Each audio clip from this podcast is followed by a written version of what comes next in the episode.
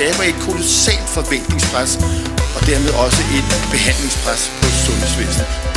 Øh, og det lader til, at nu lykkes det, og inden vi går ud af 2013, så er det rullet fuldt ud. Det skal det være. Jeg er jo ikke død, og, og, og, det er jo, og det er jo lige præcis det argument, som er argumentet imod at have garanti. Velkommen tilbage i Stetoskopet. Så er øh, et nyt program landet, og øh, mit navn det er Morten.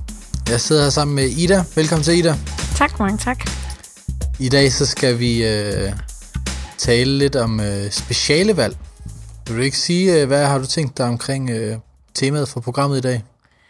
Jamen, øh, vi er jo underlagt en nu seks års frist ja. for øh, at få søgt sådan en hoveduddannelse. Så derfor så øh, kan det jo være meget vigtigt, at man måske sådan lidt tidligere i studiet, end hvad man ellers tænkte, har gjort sådan nogle overvejelser omkring, øh, hvad for et speciale man kunne tænke sig. Og det kan nogle gange godt være svært at vide, hvad det egentlig er, der kunne være godt for en. Så tanken bag programmet er ligesom at gøre folk en lille smule mere klart måske, hvordan de kan finde ud af, hvad der kunne være det rigtige speciale for dem. Ja, og så er der jo øh, kun to timers karrierevejledning på medicinstudiet i København i hvert fald. Så det er også et øh, område, der er totalt underprioriteret i forhold til, hvor vigtigt det er for, for folks liv simpelthen. Ja, Fedt. helt vildt. Det må man sige. Så øhm, opbygningen for programmet i dag, det er, at øh, du har været ude og lave et interview med Nynne, som er hende her, der står for de to timers karrierevejledning. Ja, lige præcis. Hun er ansat i chef, som chefkonsulent i Yngre Læger, øh, og har tidligere arbejdet med karrierevejledningen også i Lægeforeningen. Øh, så spørger vi hende lidt om nogle forskellige ting, og nogle gode råd til, øh, hvordan man kan komme godt på vej. Nice. Så efter det, så hopper vi over til øh, noget forskernyt.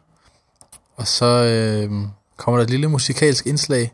Der var jo simpelthen en, øh, en mediciner, der gik decideret viral. I hvert fald inden for vores, øh, i hvert fald inden for min sådan, mediciner vennekreds på Facebook med hans speciale sang. Den her rap, hvor han rapper hen over alle specialerne. Det er cool. Yes. Øhm, og så, øhm, så har Fadel udgivet det her nye hæfte, som hedder De 38 Specialer. Og hvad er det for noget i det? Jamen, øh, det er sådan en oversigt over de 38 specialer, hvor de har spurgt nogle øh, læger, som er i hoveduddannelse inden for det, om nogle forskellige øh, spørgsmål. Og vi øh, tager det under lupen, os to, og kigger lidt nærmere på, hvad, hvad kan du bruge det her hæfte til, er der nogen, hvad er de gode og dårlige ting ved det? Helt sikkert. Det bliver øh, spændende. Jeg har lige siddet og smugkigget lidt i det. Det er sådan nogle fede interviews, de har lavet. Mm. Og så til sidst, så har vi et overlægensbord. Ja. Vil du kort sige, hvem er det, vi har i overlægensbord i dag? Jamen, øh, der har vi Marianne Juler, som er overlæge på neurokirurgisk afdeling over på Rigshospitalet. Øh, super dygtig og meget veltalende, og hun snakker lidt om ansvar og ansvarlighed som læge. Okay, sygt. Ja. Nice.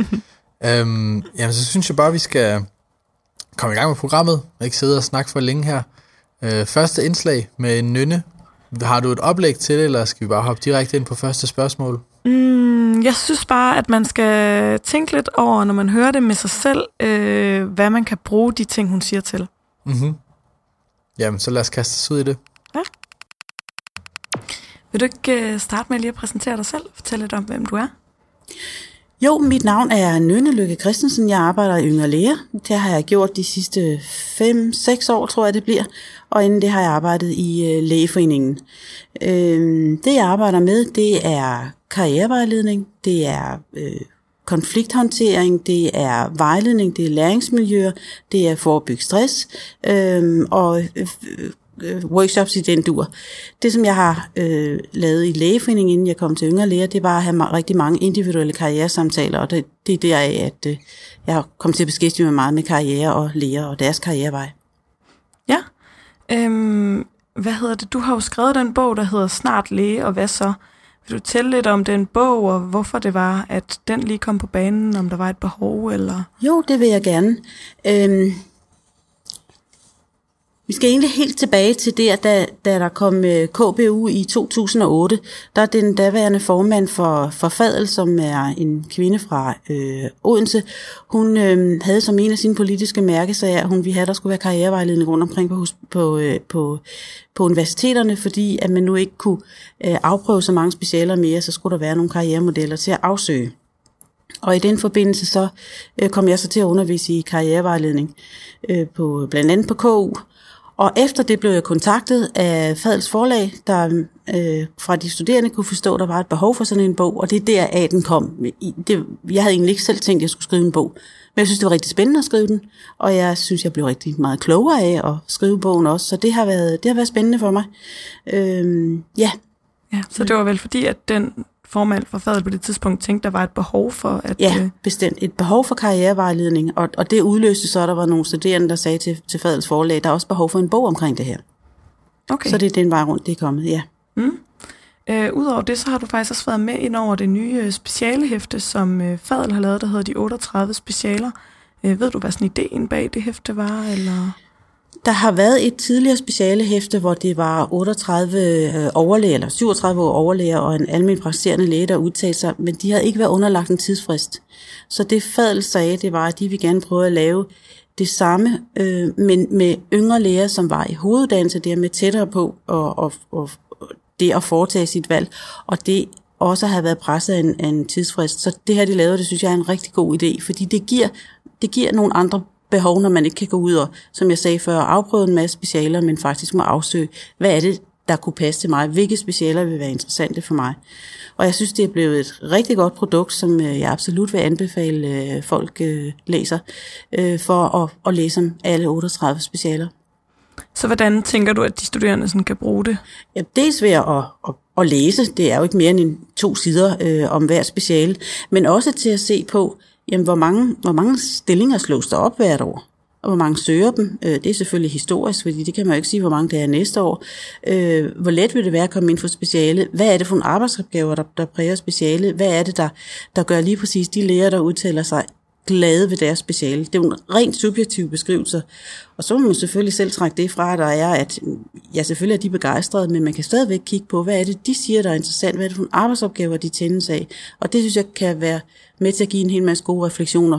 Plus man kan læse om de specialer, som man, øh, man måske ikke har hørt så meget om på, på studiet. Ja, ja, for der er jo stor forskel på, at nogle af specialerne har man måske helt glemt ja. eksisteret, ikke? når der er sådan ja.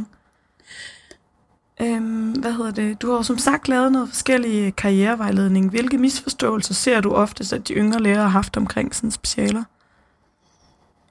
Mm, jeg ved ikke, om jeg kan tale om misforståelser, men, men, men jeg synes, det der kan være svært, det er, hvis man binder sig fast på et bestemt drømmespeciale. Øh, det er i hvert fald det, der har været de sværeste samtaler, øh, jeg har haft. Ikke for mig, men for dem, som kommer til mig. Øh, fordi at at ofte så bliver det at have valgt speciale tidligt, så bliver det nærmest det samme som ens identitet.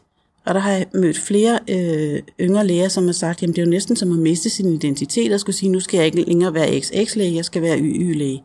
Så, så, så det synes jeg er rigtig vigtigt at tænke i. Der vil altid være flere specialer, der kan passe til en.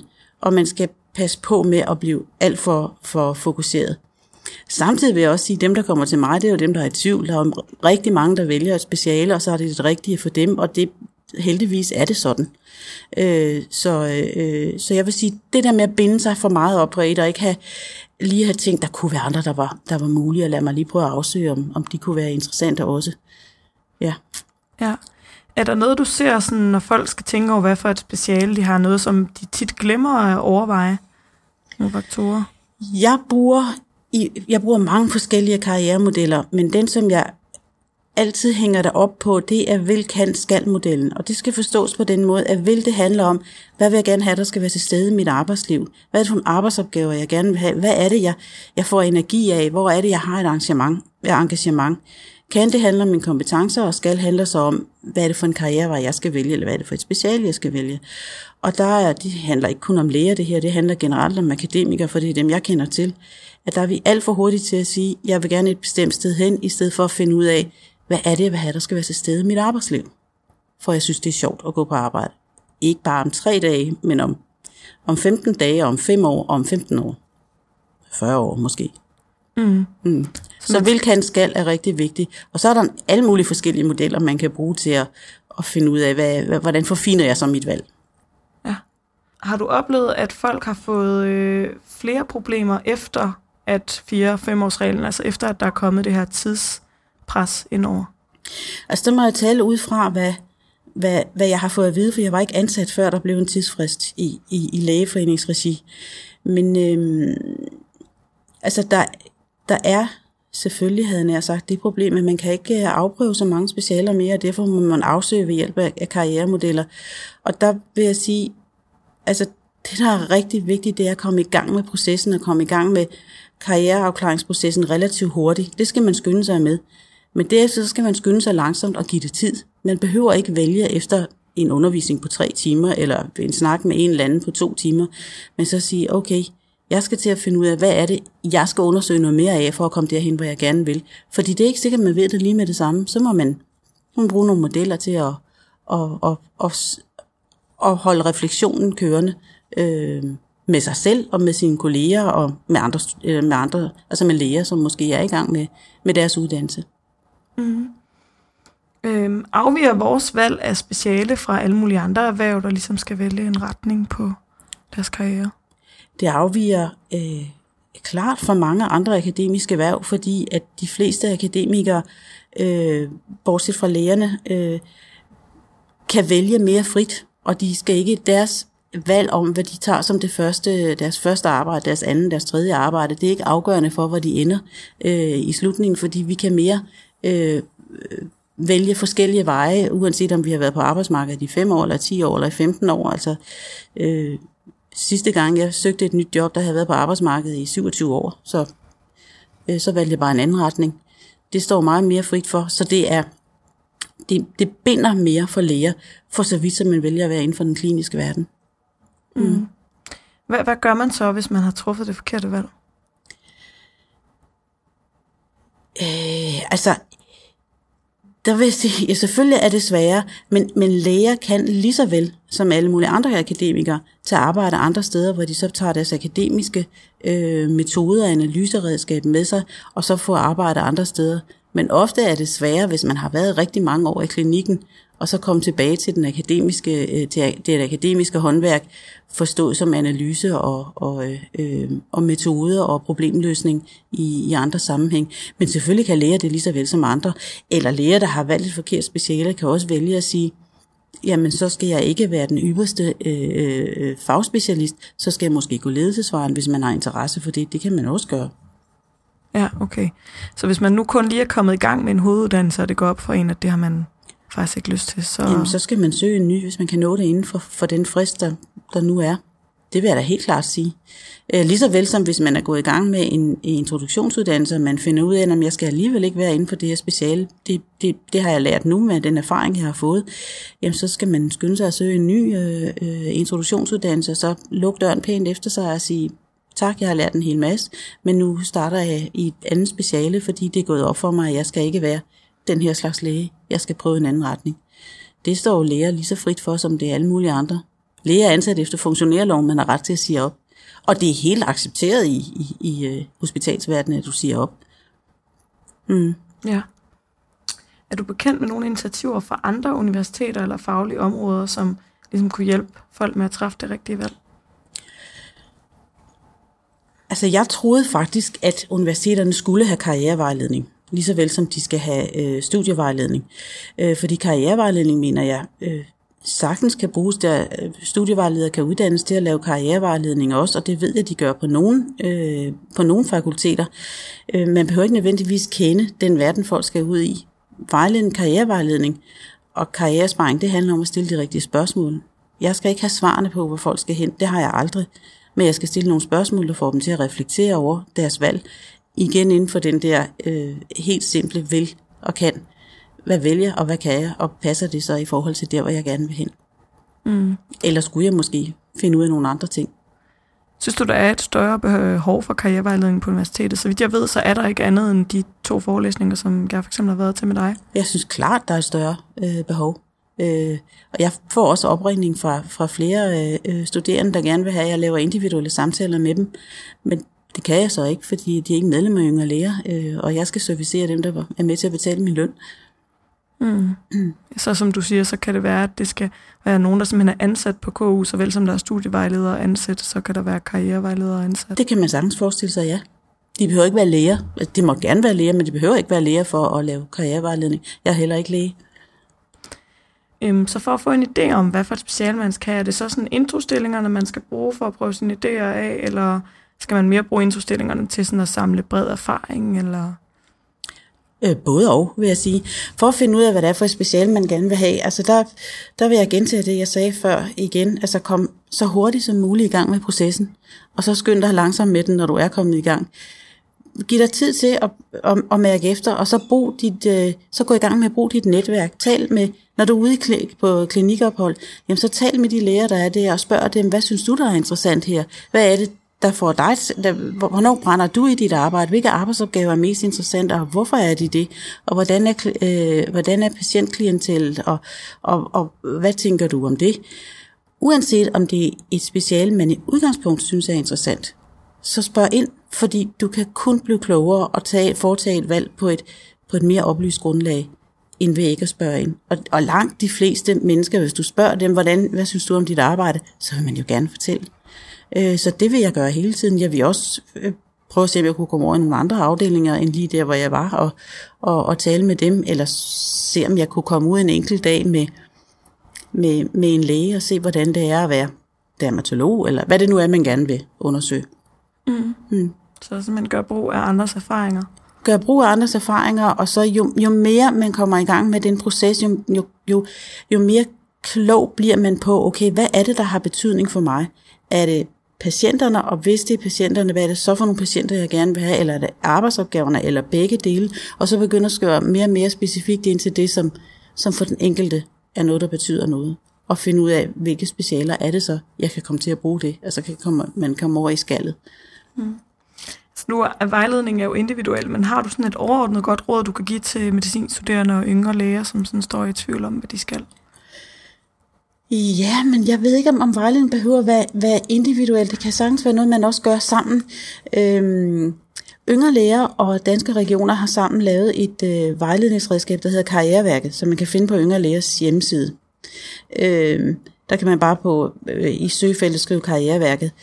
Og karriereværket kan man bruge både til sin egen refleksion, men man kan også bruge det til, et, til at spare med hinanden og spørge nysgerrige ind til, hvad er det, der er interessant for dig det er bygget op omkring en, en, en fire områder, hvor der er et antal spørgsmål inden for hver. Og så skal man bare kigge på, eller bare bare, men så skal man kigge på, hvad er det for nogle spørgsmål, der giver mening for mig, og det er dem, man skal tage udgangspunkt i. Så kan der være nogen, man siger, det kan jeg ikke tage stilling til endnu, eller jeg er ligeglad, jamen så lad dem ligge men, men find ud af, hvad det er for nogle spørgsmål, der berører dig, og så tal med andre om det.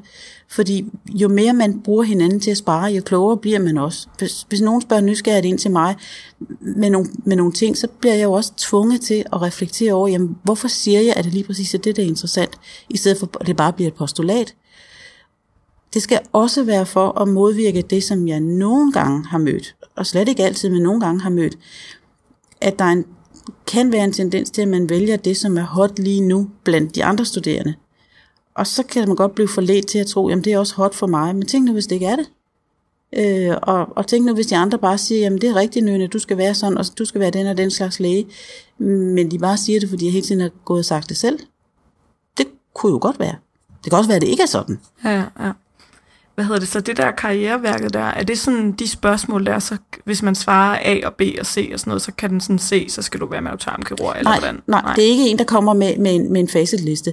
Det er en, man bruger til at reflektere over, hvad for nogle ting betyder noget for mig i mit arbejdsliv. Og så kan man bruge en sparringspartner, og det kan lige så vel være en, være en medstuderende, eller en god ven eller veninde, øh, som man så drøfter tingene med. Så man kan sådan set bare downloade det selv, og så ja, prøve at bruge det? det kan man. Og så har man jo i øvrigt også forberedt sig, til man kommer, øh, til man kommer i KBU, fordi der vil man møde det, ens hovedvejleder skal bruge det i forhold til, øh, til, til at mm. give karrierevejledning. Så det kan være, måske være meget godt lige også at snuse til det. Se, hvad der er så man har forberedt sig lidt til det. ja. Så, så hvornår skal man begynde at tænke over sit speciale? Hvor tidligt? Oh, jeg synes, det er svært lige at sige, hvornår, men jeg synes ikke, der sker noget ved, at man så tidligt som muligt tænker over, hvad for nogle fag er interessante. Øh, og når man kommer i klinik, så, så, så være til stede og, og, øh, og, og finde ud af, jamen, synes jeg, det er sjovt at øh, være med til at, og, eller se en, en operation, synes jeg, det er sjovt at være med til øh, øh, stuegang. og ikke bare farte fra det ene til det andet, men faktisk give sig tid at være til stede der, hvor man er, og, og spørge ind og finde ud af, hvad er det, der foregår? Hvorfor gør du det her? Hvorfor siger du sådan? Og, og hvordan er det at diagnostisere? Så, øhm, så jeg vil sige stille og roligt gå i, gå i gang med, med, med den proces, eller som jeg sagde før, skynd dig med processen, men så tag det stille og roligt, og, og så finde ud af, nå, men nu begynder der at køre i den retning, og så kan det være, at det ændrer sig. Jamen, så ændrer det sig, det er jo fint. Mm. Og så kan man så håbe på, når man har været i KBU, at det så efterhånden er en to, tre, fire specialer, der kunne være interessante, så er der jo mulighed for at prøve, prøve med en introstilling. Så må man sige op, hvis det er det forkerte. Men jeg vil først sige op, når jeg havde en ny introstilling. Der er mange, som godt nogle gange træffer et valg om speciale, uden egentlig at vide, hvad det indebærer. Måske fordi det er et hot speciale for tiden eller noget. Mm. Hvordan, hvordan kan man få en bedre forståelse under selve studiet, øh, også når man er færdig omkring, hvad det indebærer? Altså igen, der vil jeg sige netværk. Ja. Øhm, og, og så er der også de der karriere, øh, de karriere, hvad hedder det, karriere specialvalgsdage, hvad hedder det her i København, specialvalgsdagene, karrieredagene. Ja, der er sådan nogle karrieredage. Ja, hvor der kommer forskellige specialer og præsenterer sig selv. En og spørger, men, men forbered, altså det er virkelig at forberede sig for at finde ud af, hvad er det, jeg gerne vil vide noget om. Fordi det at komme og så bare sige, hvad synes du er interessant, øh, så får man måske ikke så meget ud af det, men finde ud af, hvad er det for nogle spørgsmål, der for mig er interessante. Der kunne man bruge karriereværket til det, og så bliver man så klogere efterhånden, finde ud af, om det er det, jeg skal spørge om, og det er det, og det, det der skal jeg også lige have noget at vide om.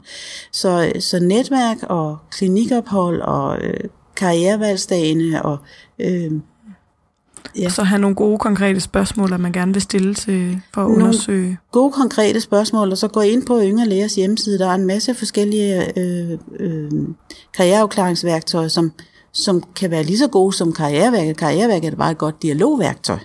Så man kan gå ind der også og downloade nogle af dem, og så se, om det er nogle af dem, der passer til mig. Så vil der være nogen, der tænker, den enkelte tænker, det der synes jeg er rigtig fint til mig, og andre vil tænke, et andet er godt til mig. Vi har snakket lidt om det, men har du et godt råd til yngre læger, som har arbejdet øh, i retning mod et speciale, måske hele studiet, at de er godt på vej, men så kommer de pludselig i tvivl, om det overhovedet passer til dem?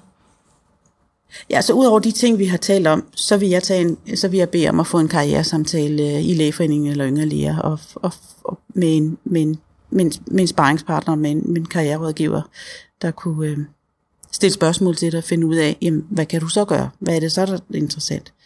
Fordi, som jeg, som jeg sagde i starten af det her interview, det kan være nogle rigtig hårde samtaler for den person, fordi det ofte er forbundet med tab af identitet, og pludselig sige, at jeg skal være noget andet. Øh, ja, så det vil jeg, det vil jeg bede om. En god karrierevejledende samtale. Mm-hmm. Mm. Er det dit indtryk, at der er mange, som fortryder deres specialevalg, eller kan man egentlig måske blive glad for det meste? Jeg ved ikke, om man kan blive glad for det meste, øh, og jeg tror, at langt de fleste læger er glade for det speciale valg, de har taget. Ellers så vi jo have alle læger til, har haft dem til, til øh, karrieresamtaler. Det har, jeg, det har jeg jo selvfølgelig ikke haft. Øh, jeg møder dem, som er i tvivl om deres speciale valg. Så det er dem, jeg kan tale ud fra. jeg tror, de fleste er glade for, for, for det speciale, de har valgt, og jeg vil, jeg vil våge den påstand, at langt de fleste kan være glade for flere specialer, fordi der er flere specialer, der indeholder noget af det samme, tilgangen til arbejde og så videre, men, men det er jo ikke sikkert, at man kan være, jeg tror ikke, man kan være glad for alle specialer. Øh, lige ved at sige heldigvis, for så kunne det ende med, at vi alle sammen ville det samme. Det vil jo være det. Så vil det blive trængsel. Ja. Mm. Men de fleste af din opfattelse ender med at være i noget, som de er glade med. Ja, jeg synes, jeg møder mange tilfredse læger, når jeg er rundt omkring på afdelingerne og holder workshop. Så kan der være nogle andre udfordringer, men, men der er der, jeg møder rigtig mange, der er tilfredse med deres speciale, og stolte over deres speciale, glade for deres speciale. Det synes jeg er enormt livsbekræftende at, at, møde, at møde de læger. Mm. Også fordi nogle gange tænker jeg, at der måske kan være noget, som kan være spændende nu og her, når man er ung, men det kan være svært at sætte sig ind i det der med sådan, jamen, synes jeg, det er lige så spændende sådan om 20 år, eller når jeg bliver ældre, eller sådan, det kan måske være sådan en svær... Og det vil være rigtig, rigtig svært, ja. Øh, og der kan man, man, man kan ikke gøre andet end gøre så meget som overhovedet ud, af den proces, der hedder øh, karrierevalgsprocessen. Hvad er det, der betyder noget for mig grundlæggende? Hvad er det, jeg får energi af? Hvor er det, jeg, jeg er, er god? Altså, de fleste, de fleste holder af at lave ting, de er gode. Øh, ellers så er man masochist, vil jeg have sagt. Øh, så, så, så, så også det der at kigge på, hvornår er jeg god? Fordi så er det som regel noget, man, man, man godt kan lide. Øh, ellers så var man sandsynligvis ikke god til det. Mm. Ja, jeg tror, at efterhånden vi er ved at være nødt til vejs ende. Jeg vil bare lige høre, om du har et sidste godt råd, som du lige vil give med på vejen, eller vi har været rundt om det hele. Nej, så vil jeg, så vil jeg gerne op, så vil jeg opsummere. Tag, dig, tag afklaringsprocessen seriøst, øh, og giv dig tid til den. Øh, reflekter over, hvad der skal være til stede i dit arbejdsliv, og fokusere på, hvad der giver dig energi, og, og hvor du udviser engagement. Så kan man komme rigtig langt i forhold til, hvad er det, jeg vil have, der skal være til stede i mit arbejdsliv. Så må man kigge på, om man har kompetencerne, det kan det, og derefter kan man kigge på, jamen, hvor kan jeg så komme til at bruge det? Det skaldet. Hvad skal jeg kunne i bestemte specialer? Ja. Super. Tusind tak, fordi du ville være med. Det vil jeg rigtig gerne. Det var en fornøjelse. Spændende. Ja. Godt uh, interview, du har fået i kassen der, Ida. Ja, tak. Stærkt arbejde. Jeg synes, uh, det er værd lige at uh, lave et uh, ekstra skud ud til det her karriereværket. Vi har lige siddet og kigget lidt på det. Nynne, hun nævner de her... Uh, for det første så nævner hun det her med, at det er det her værktøj, så man kan prøve at sætte sig ned sammen med sin læsemarker, og så er det sådan en dialogbaseret uh, måde at udforske, hvad for et speciale, eller hvad er vigtigt for mig i forhold til mit kommende arbejdsliv. Men hun nævner også de her fire søjler, Øh, og vil du ikke lige nævne, hvad er de fire søjler, som, øh, som de har lavet? Jo, det vil jeg i hvert fald. Altså, man kan jo øh, selv gå ind og downloade det her karriereværket, som Nynne også siger inde på Yngre Lærers hjemmeside. Og der er øh, fire søjler. Der er lægelivet, som handler om, at man skal spørge sig selv om nogle spørgsmål om, hvad vil man egentlig gerne arbejde med i sit liv som læge. Så er der noget omkring ens personlighed, altså sådan, hvad er det, man brænder for, hvad motiverer en. Så øh, er der en søjle omkring lægerollerne, sådan, hvad for en lægerolle synes man måske passer bedst på en. Og øh, så er der noget omkring ens liv sådan helt generelt. Øh, ens fritid, vil man gerne have meget tid til børn eller sport, eller hvad man gerne lave ved siden af sit arbejdsliv. Fedt. Jeg synes, det er interessant. Øh, det er som om, jo ældre jeg bliver, jo mere, øh, jo mere kommer jeg til at vægte det her, den her sidste søjle. Sådan, jeg vil faktisk gerne have tid til mine børn, og jeg synes også, der er hobbyer uden for medicin, der, der er værd at bruge tid på. Jeg tror også, det er noget med, hvis man spørger, hvor mange der skal være almen praktiserende, når man starter på studiet, så er det sådan under 5 procent, og det er jo en tredjedel, der ender med at blive det, ikke? Ja, ja. Øhm, jeg vil bare lige sige, at vi øh, linker til øh, karriereværket øh, på øh, programmet her, så I kan også øh, finde det af den vej. Og så noget andet interessant, jeg synes, hun nævnte, det er det her med, øh, at hun oplever, at der er en tendens til, at nogle af de studerende, som hun taler med, de kommer og er blevet spurgt ind på et speciale, fordi det er hot. Fordi det er det, som øh, folk gerne vil være på studiet på det her tidspunkt, og fordi det er det, vennerne har valgt. Er du nogensinde, har du nogensinde fanget dig selv i at sidde og overveje et eller andet ekstra meget, fordi at, åh, det var satans hot? Altså, jeg vil faktisk sige, at det meste af bachelordelen var jeg ret overbevist om, at jeg skulle være et eller andet inden for almen medicin, fordi at alle gik og snakkede om, at sådan, den der skarpe opdeling med mediciner og kirurger, at mediciner er rigtig gode til at snakke med mennesker og patienter, og kirurgerne det er de kolde typer, ikke? Ja, ja. Og så var jeg sådan, jamen jeg kan jo godt lide at snakke med mennesker, og så er det først, da jeg sådan er startet ude i klinikken og fundet ud af, at jeg kan meget bedre lide arbejdsrytmen som kirurg, at jeg har måttet sådan tage til mig selv, at sådan, jamen, det er jo ikke fordi, at man nødvendigvis er dårlig til at snakke med mennesker, Ej, bare du har fundet ud af, hvor kold og kynisk du faktisk er. Ja, du har aldrig, aldrig kunnet lide mennesker. Hvad med dig? Øh, jeg tror, jeg er sindssygt påvirkelig, faktisk. Jeg, jeg føler, jeg, har... Jeg havde nogle år, hvor jeg virkelig blev totalt inspireret af alle og i alle retninger, og så var der nogen, der ville være torskirurg, og så synes jeg, det lød som det sygeste. Og så hang jeg ud med en ven, der ville være almindelig medicin, og så var sådan, vi skulle da også bare åbne en klinik sammen, det er da det, er da det hyggeligste i hele verden. øhm, men jeg tror, sådan lige så stille, så øh, kan jeg mærke, sådan tanken om obstetrik for eksempel, den har sat sig fast. Den, den øh, går ikke væk, selvom der er folk omkring mig, der lige pludselig synes noget er noget af det fedeste, selvom alle mine venner nu vil være øre, og halskirurg. Så, øh, så det er et godt tegn. Jeg tror, jeg modnes. Det er sundt. Det er godt. øhm, lad os skynde os videre. Det næste indslag, det er Forskernyt. Og øh, det er med Morten og Ulrik i studiet. My calculations are correct. You're gonna see some serious shit. Hej, og velkommen til Forskernyt. På en måde, så kan man sammenligne den videnskabelige verden med en myretue. Når man står udefra og kigger på, så ser det hele meget forvirrende ud, og den er fuld af forvirrede individer, som løber rundt og arbejder hårdt, men ikke ved, hvad hinanden laver. Men på en eller anden måde, så bliver den her myretue højere og højere alligevel. Og i dag, der er Ulrik og jeg to forvirrede entomologer, som står og kigger ned på myretuen og prøver at finde lidt mening i det hele. Ja, for i dag, der skal vi jo kigge lidt bag på kulisserne, og øh, jeg har taget et eksempel med, som illustrerer en af grundstenene i den her videnskabelige verden, og selve det, der gør, at myretuen der, som du snakker om, den kan blive højere. Det skal nemlig handle om citationer og referencer, og øh, vi har et helt særligt eksempel med, som øh, kan spores tilbage til 1980. Det drejer sig om et studie, der har været med til at fastholde myten om, at morfinpræparater ikke er afhængighedsskabende. Det ved vi en del mere om i dag, men det her studie fra 1980, det er siden der er blevet citeret 608 gange. Og hvis man sådan følger det lidt tilbage i historien, så kan man se, at øh, historien sådan i populærmedierne er blevet kaldt et landmark study. Det blev det kaldt i Time Magazine i 2001. Og i Scientific America, som er et amerikansk populærvidenskabeligt magasin, der blev det kaldt an extensive study.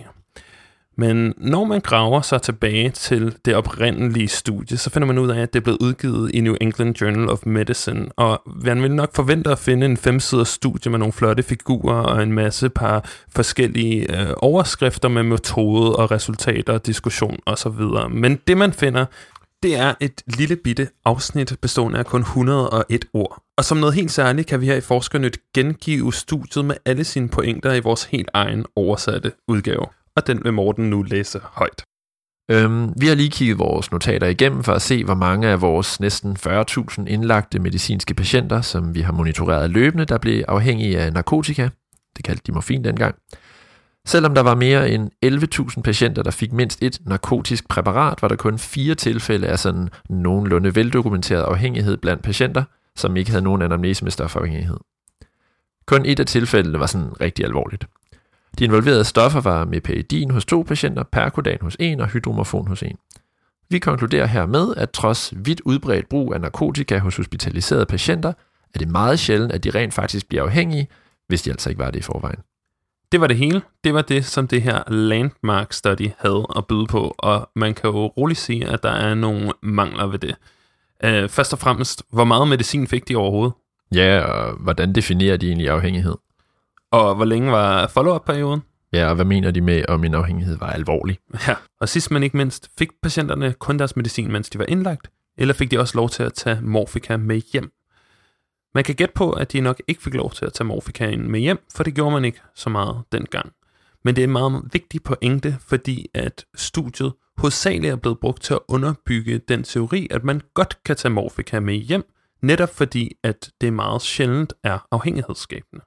For en måned siden, der valgte New England Journal of Medicine simpelthen at gøre op præcis, hvor, hvordan og hvor meget den her studie er blevet citeret. Og der viste de blandt andet, at 80% af gangene, hvor studiet var blevet citeret, der havde den refererende artikel glemt at sige, at de her patienter var hospitaliseret og ikke var derhjemme med deres morfika.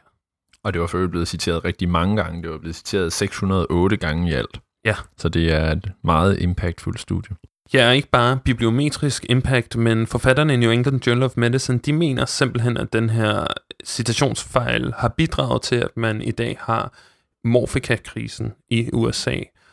Og siden 1999, der er der over 183.000 amerikanere, der er døde så af morfika-præparater, som er blevet udskrevet af en læge. Så øh, når de siger på studiet, at vi skal have styr på vores referencer i kandidatopgaven, så er det altså ikke bare helt for sjov.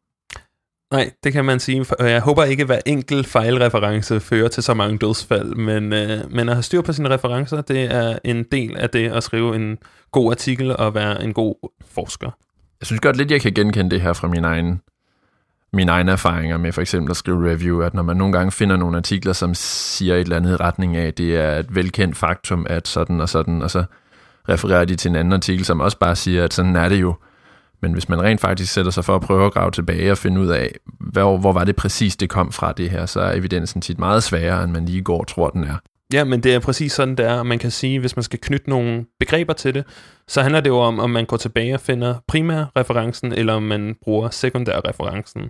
Øh, og der er en forsker, der hedder Ole Bjørn Rigdal, som øh, kalder de her type øh, myter, som øh, den her opioidkrise-referenceskandale øh, godt kan kaldes. Han kalder det for Academic Urban Legends. Han snakker om, øh, at man enten kan være en doven forsker, eller så kan man være en plagierende forsker, når det kommer til øh, citations sådan, fiksfakserier. Det første eksempel, hvor man er en doven forsker, der øh, handler det jo om, at man bare citerer den her sekundære kilde, og så bliver det netop viskeleje, fordi så bliver, kan man gå tilbage til deres sekundære kilde, og så videre, og så videre.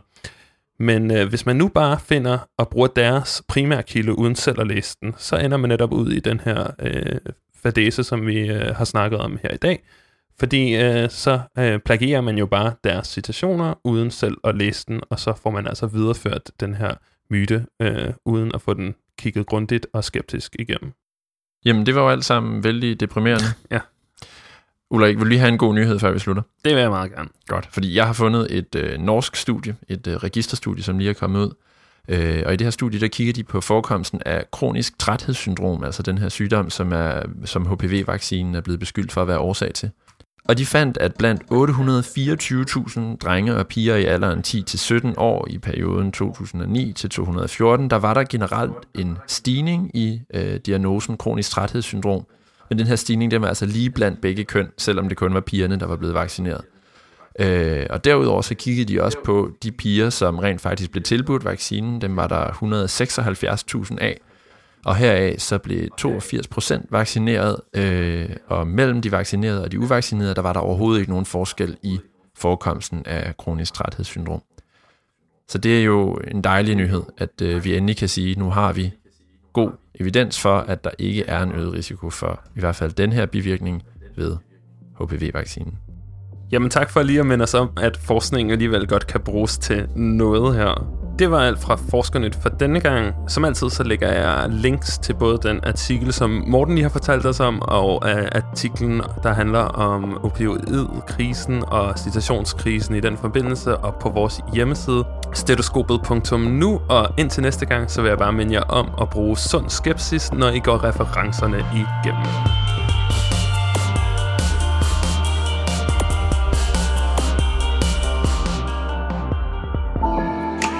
Skal vælge speciale gøre. Femmers regel, baby. Uret tigger. Så kom i gang under studiet. Du har travlt. Jeg er MC gastroenterolog, og du bliver stiv som en pind For jeg tager ikke fingeren ud, jeg stikker fingeren ind Og jeg har læst i 6 år, det kan folk ikke forstå Jeg er da røvligt glad, det skider jeg da på Jeg holder altid mit koloskop blankoleret Når jeg spankulerer gennem mit kvarter Og undersøger din endetarm helt op til min albu. Rolig du, vi mangler kun en meter endnu. Dr. Almen Praksis tjekker ind i dine strumme hænder Tjekker dit rektum, når du har ondt i din tommelfinger. Har gjort det samme shit 20 år i ty Jeg får vild til mit spil, diagnostiserer dig på ny. Du siger du ondt i hovedet og har mistet din hørelse. Giver dig en pille, der gør dit hoved til dobbelt størrelse. Kender ikke til specialmedicineret løvelse Men sender dig videre til en bedre, der har Jo, jeg er MC Lunge Mediciner, a.k.a. Danny Kold Prøv at hjælpe patienter uden selvkontrol Og de får en over nakken, så de dropper tobakken. Du skal trække vejret selv, ikke gennem cigaretten. Godmorgen, libertiner, sikke dog du viner. Ordinerer lige lidt tabutalin Og opfordrer dig til at tænke på din kondi Først mig om dagen, det er sgu klart, du har ronki Jo, jeg er MC Mr. Cellelover Patologi. Jeg er den vildeste i klubben til lysmikroskopi. Fuck, de kalder mit speciale ligegyldigt og kedelig. Jeg er en celle ninja, musse stille og dødelig. Der er ingen tvivl i sindet, når jeg tjekker præparatet. Mit sindssygt hurtigt, jeg er en tai chi, når jeg karate. Og skal jeg løse i folk, synes folk er det smarte shit Men inden for mit eget felt, der er jeg karate Jeg er MC kardiolog, og du kan tro, at jeg er vigtig. Hvis hjertet pludselig smerter, så har jeg en pligt til At behandle dig, uanset alder. ABC, NBV, jeg ved hvad der tæller. Jeg er så alfa, at de kalder mig for beta-blokker Mit flow er tight som et par støttesokker. Jeg er en vinder, win-win, no lose. Er kardiolog, Dr. Ananas i egen juice. MC retsmedicin, jeg har set en del shit Ja.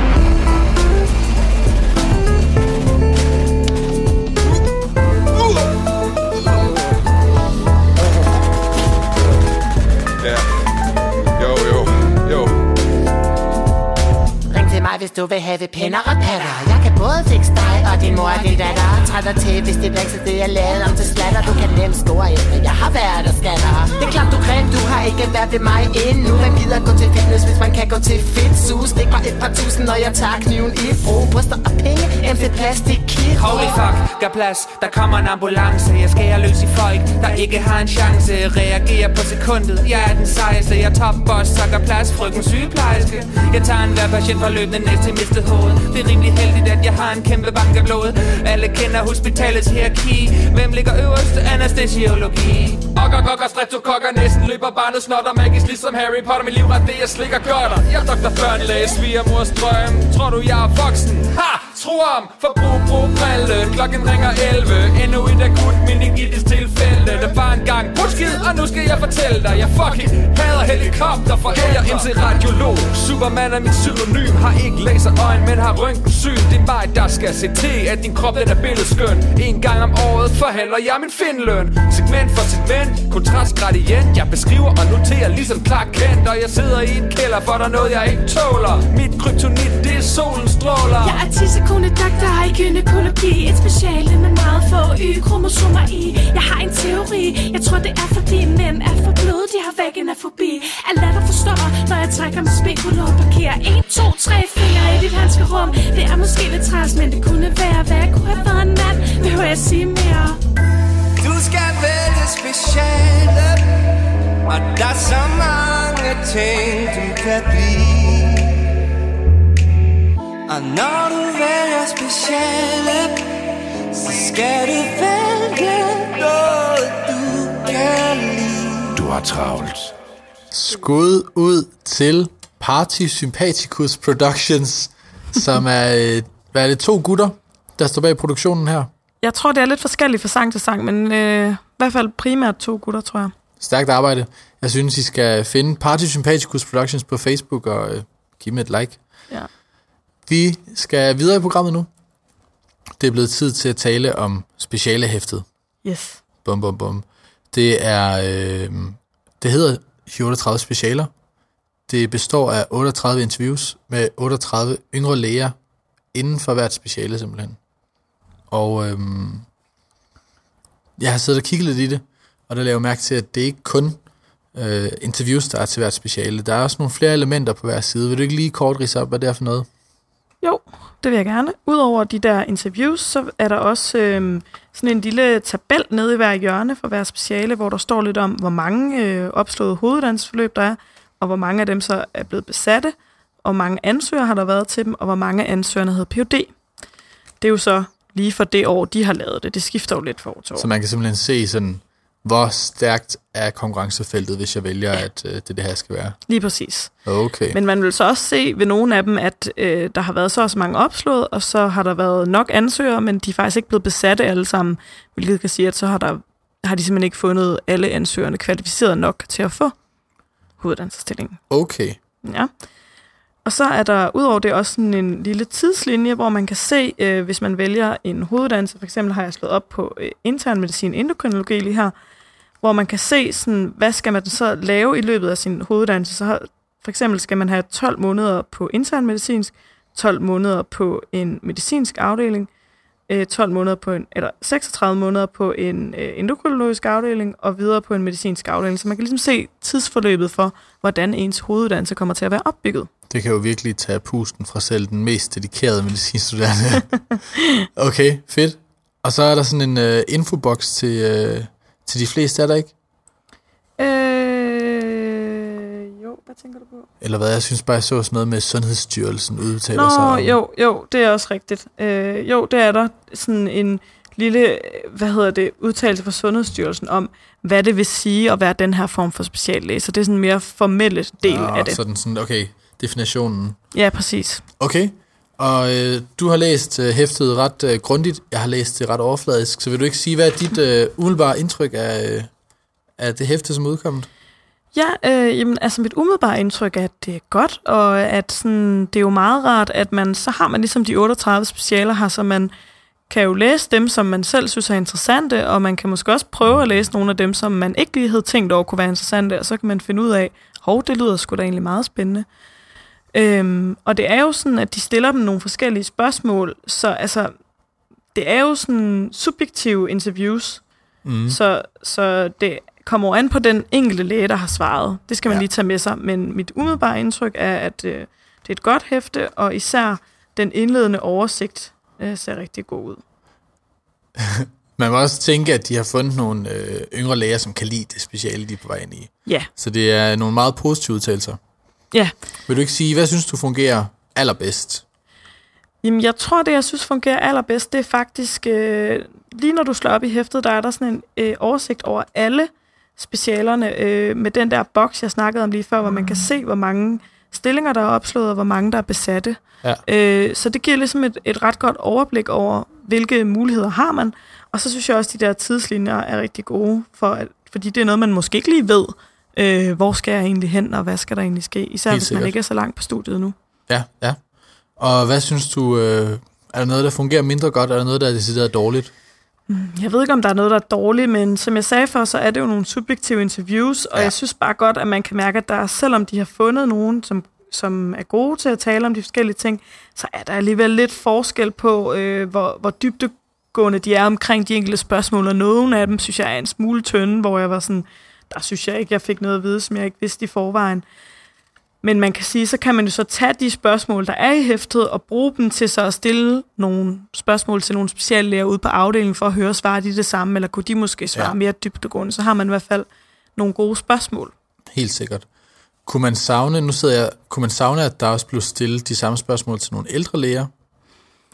Øh, ja, det vil jo nok i hvert fald give lidt et andet perspektiv for tingene, i forhold til, at det nogle gange kan være øh, svært at vide, om noget, man synes er spændende, øh, lige når man starter i specialet, også er spændende om 20 år. Ja. Måske kan de prøve at få en til at reflektere over, om det er noget, man gider at lave i mange år. Mm. Så på den måde kunne det da have været ret spændende, hvis de havde lavet hæftet sådan, at det både var en yngre læge og en overlæge, som ja. udtalte sig inden for de forskellige specialer. Det må blive næste gang. Ja. Så kan tredje udgave blive med en pensioneret overlæge også inden for hver speciale. okay. Øhm, så øhm, vil du ikke, øh, jeg synes vi lige skal knytte en, en kommentar til den her, det her lille schema med PhD'erne, fordi at, da jeg sad og kiggede på det, så var det faktisk mange specialer, hvor der var overraskende få procent, der havde en Ph.D., der fik en hoveduddannelsesstilling. Ja, altså det er jo øh, meget speciale afhængigt, og nu sidder jeg og kigger på kardiologi lige nu, hvor at 42 procent af ansøgerne havde Ph.D. Ja. Øh, og så kan jeg slå op på øh, noget andet her. Gynækologi og obstetrik, der er det kun 7 procent af ansøgerne, der har Ph.D. Så er der håb for mig. Der er håb forude, og så varierer det jo også meget fra år til år. Ja. Øhm, så det, man skal huske her, det er bare, at PUD'en opfylder mange af lægerollerne, men hvis det ikke er noget for en at skrive PUD, kan man jo også opfylde lægeroller på andre måder. Mm. Øhm, og så står der i, blandt andet i hæftet også, udover det der oplyst, så spørger de også, hvilken en af lægerollerne vægter de højst i det her speciale, når du Okay. søger. Så der kan man også prøve at spore sig lidt ind på, jamen er der nogle af de her lægeroller, jeg skal lægge særligt vægt på? Kan, går de meget op i akademikeren, den her, eller ja. hvordan og hvorledes? Det fungerer jo i virkeligheden rigtig godt som et, øh, man kan læse hæftet der, bruge det til at blive inspireret, og så prøve at bruge det her øh, karriereværk, karriereværket, ikke også, til at prøve at få målrettet lidt nogle spørgsmål ind i sådan, hvad er det så, der er vigtigt for mig nu, hvor jeg ved lidt overordnet om det hele. Ja, man kan sagtens bruge dem i kombination. Hvad med den her tidslinje? Synes du, den fungerer? Jamen, jeg synes, den fungerer fuldstændig optimalt, fordi at, altså, det er jo sådan med hoveduddannelsesstilling, at det er øh, et tidspunkt i sit karriereliv, hvor man kommer til at blive smidt rundt mellem forskellige hospitaler, ja. og så skal man have noget tid der og noget tid der. Og det skal man jo også overveje, for eksempel hvis man gerne vil være almen mediciner, som kommer rigtig meget rundt på nogle forskellige afdelinger, om det er en periode af ens liv, om man kan holde til det, eller om det simpelthen er noget, der tænker sådan, så det kan jeg ikke overskue. Ja, fordi det er lige der, fire-fem år efter man er færdig med uddannelsen, Mm. så skal man ud i de her øh, faren rundt. Ja. Så har jeg der mange, der lige pludselig er enormt sat med børn og, og det hele. Ja, lige præcis. Så der kan være mange ting, der skal passe ved siden af, så det er jo, det er jo meget godt lige at orientere sig lidt på det. Ja, okay. Jeg må også sige, altså jeg blev lidt overrasket over, hvor meget man alligevel skal rundt på forskellige hospitaler. Man bliver ikke bare koblet på et sted, og så er det, selvom hospitalet i sig selv måske kan, kan alt det, man har brug for, så skal man ud på øh, forskellige afdelinger og forskellige hospitaler. Ja. Øhm, savner du noget? Er der noget, de har glemt? Øhm, altså, det ved jeg ikke. Så skulle det enten være lidt det ældre perspektiv, der som vi havde, øh, vi havde snakket om. Ja. Og så synes jeg ikke, altså, det der med, at de spørger sådan, hvilke fordele og ulemper er der ved dit speciale, er et af spørgsmålene, de stiller, og det kan selvfølgelig også godt være svært at snakke om noget dårligt om ens speciale i forhold til noget godt, men jeg synes, at sådan, ikke at alle besvarelserne sådan virkelig reflekterer over det, så det kunne være, at man skulle have haft nogle flere sådan besvarelser med sådan nogle enkelte, sådan, Ja. her en oversigt over fordele og ulemper, eller en oversigt over sådan arbejdsliv, eller sådan, ligesom de har lavet nogle tabeller, så sådan, du skal forvente at have meget patientkontakt, eller sådan samle nogle af de der pointer i en tabel måske. Ja. Jeg sidder også og tænker, øhm, altså, jeg kan jo blive betaget af det meste. Så hvis der er en, øh, en yngre læge, der sidder og fortæller, at, at hans eller hendes speciale er det fedeste, så kan jeg godt sidde og tænke sådan, at det kunne jeg da også sagtens bruge et liv på. At det kunne faktisk være det kritiske, det er de kritiske kommentarer, der måske er mest inspirerende og øjenåbne. Mm. Øhm, Ja. Nå, men det må, være, øh, det må være deres næste mission. Ja, helt sikkert. Sidste spørgsmål. På en skala fra 1 til 6, hvor mange stetoskoper skal hæfte sig have i der? Jamen nu er det jo kandidat til så mange andre speciale hæfter, men øh, jeg synes, øh, jeg synes at øh, det er rigtig godt, og jeg synes bare, at vi giver det 6 ud af 6 6 ud af 6. stetoskoper. Ja, vi Ja. ja. får også nogle penge fra fadet, så det er nok bedst, hvis vi holder os på god fod med dem. øhm, det synes jeg, øh, vi skal sige, øh, var en hurtig anmeldelse af specialehæftet. Der skete jo det forfærdelige, at lige da det udkom, så blev øh, alle eksemplarerne i første oplæg simpelthen revet væk. Men der er bedre nyheder, siger du, Ida? Ja, de er øh, kommet tilbage derover igen, så man kan simpelthen bare gå over i fadelhuset og hente et eksemplar. Og så øh, det er jo bare simpelthen så nemt. Sådan der. Fedt. Vi håber, I synes, at det er blevet et godt program.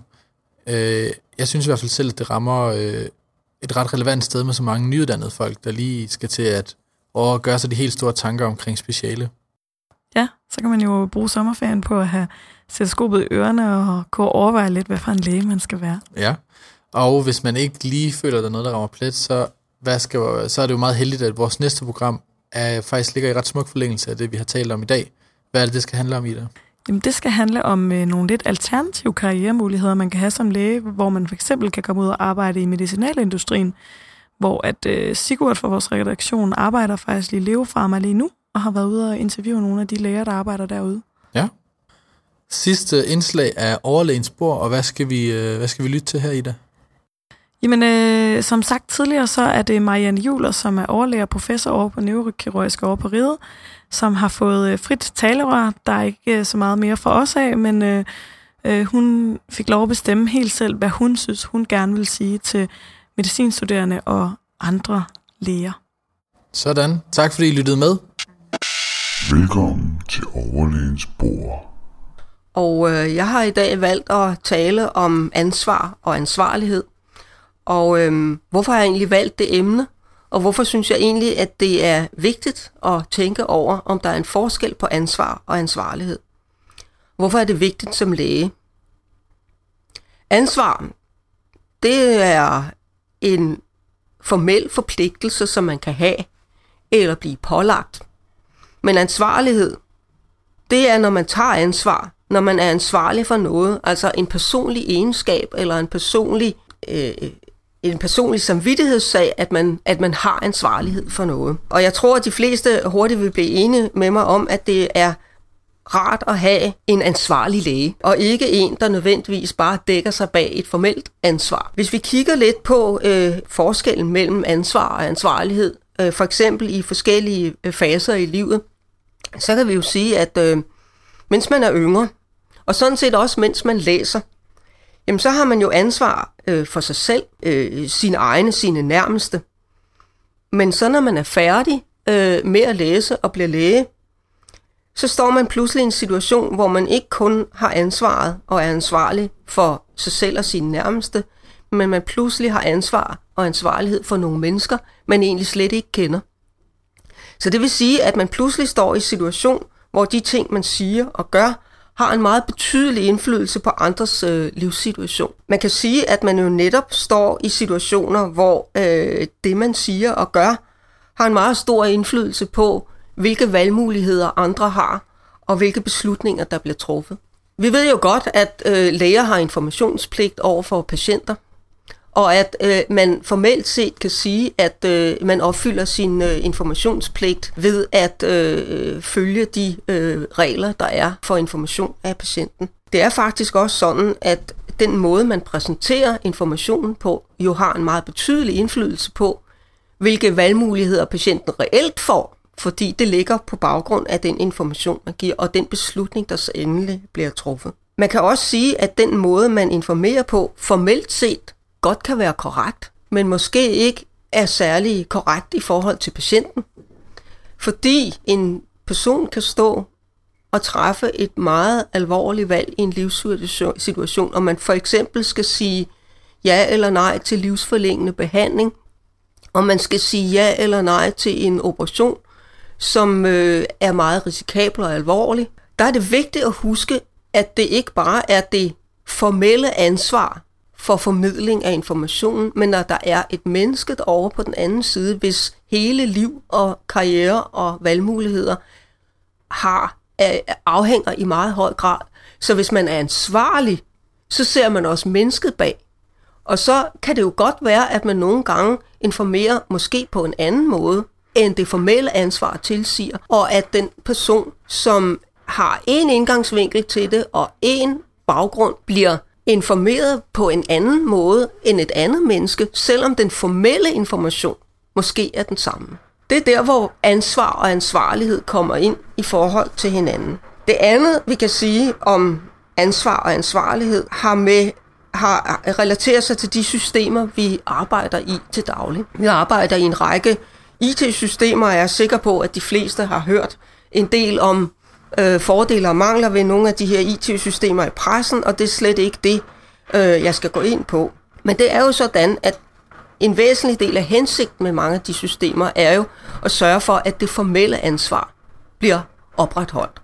At man kan krydse af, at man har gjort sådan og sådan og sådan, og at øh, kodning er foretaget sådan og sådan og sådan. Og det jeg vil sige i den forbindelse, det er, at man kan godt gemme sin ansvarlighed bag sådan nogle systemer. Man kan godt dække sig ind og, og have taget ansvaret, uden at have taget ansvarligheden på sig.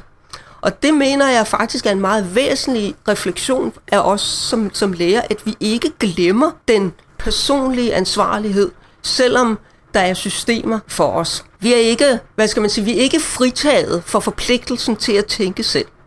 Det skal vi huske. Der er også mange af de systemer, der faktisk er bygget af folk, der ikke er læger, som derfor ikke måske har det fulde indblik i, hvad den lægelige ansvarlighed eller den lægeetiske ansvarlighed er. Og det synes jeg, at vi skal huske på, når vi bruger de systemer. De er til for at hjælpe os som en slags checklister, men de fratager os ikke den menneskelige, personlige og faglige ansvarlighed. Det må det aldrig gøre. Og det sidste, jeg vil sige, og det er sådan set også lidt i tråd med det andet, det er jo så netop også vores ansvar for den faglige udvikling. Det er jo sådan, at sundhedsvæsenet i meget høj grad er styret af økonomi og øh, produktionsstyring, og at der i meget høj grad efterspørges, om man nu opretholder produktionskravene, altså med andre ord, hvor meget man producerer, mens at mange af de systemer ikke er i samme grad gearet til at efterspørge, hvad det egentlig er, vi producerer, altså og hvad den faglige øh, kvalitet er. Endnu mindre er de gearet til at efterspørge, hvad den faglige kvalitet bliver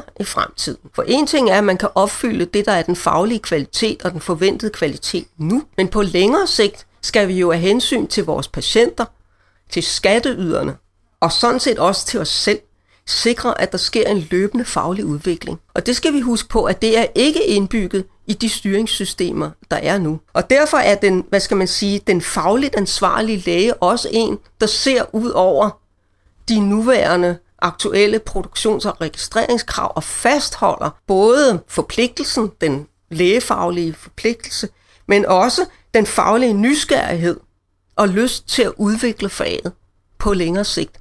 Fordi hvis ikke vi gør det, så bliver vi bare ved med at være på det samme sted.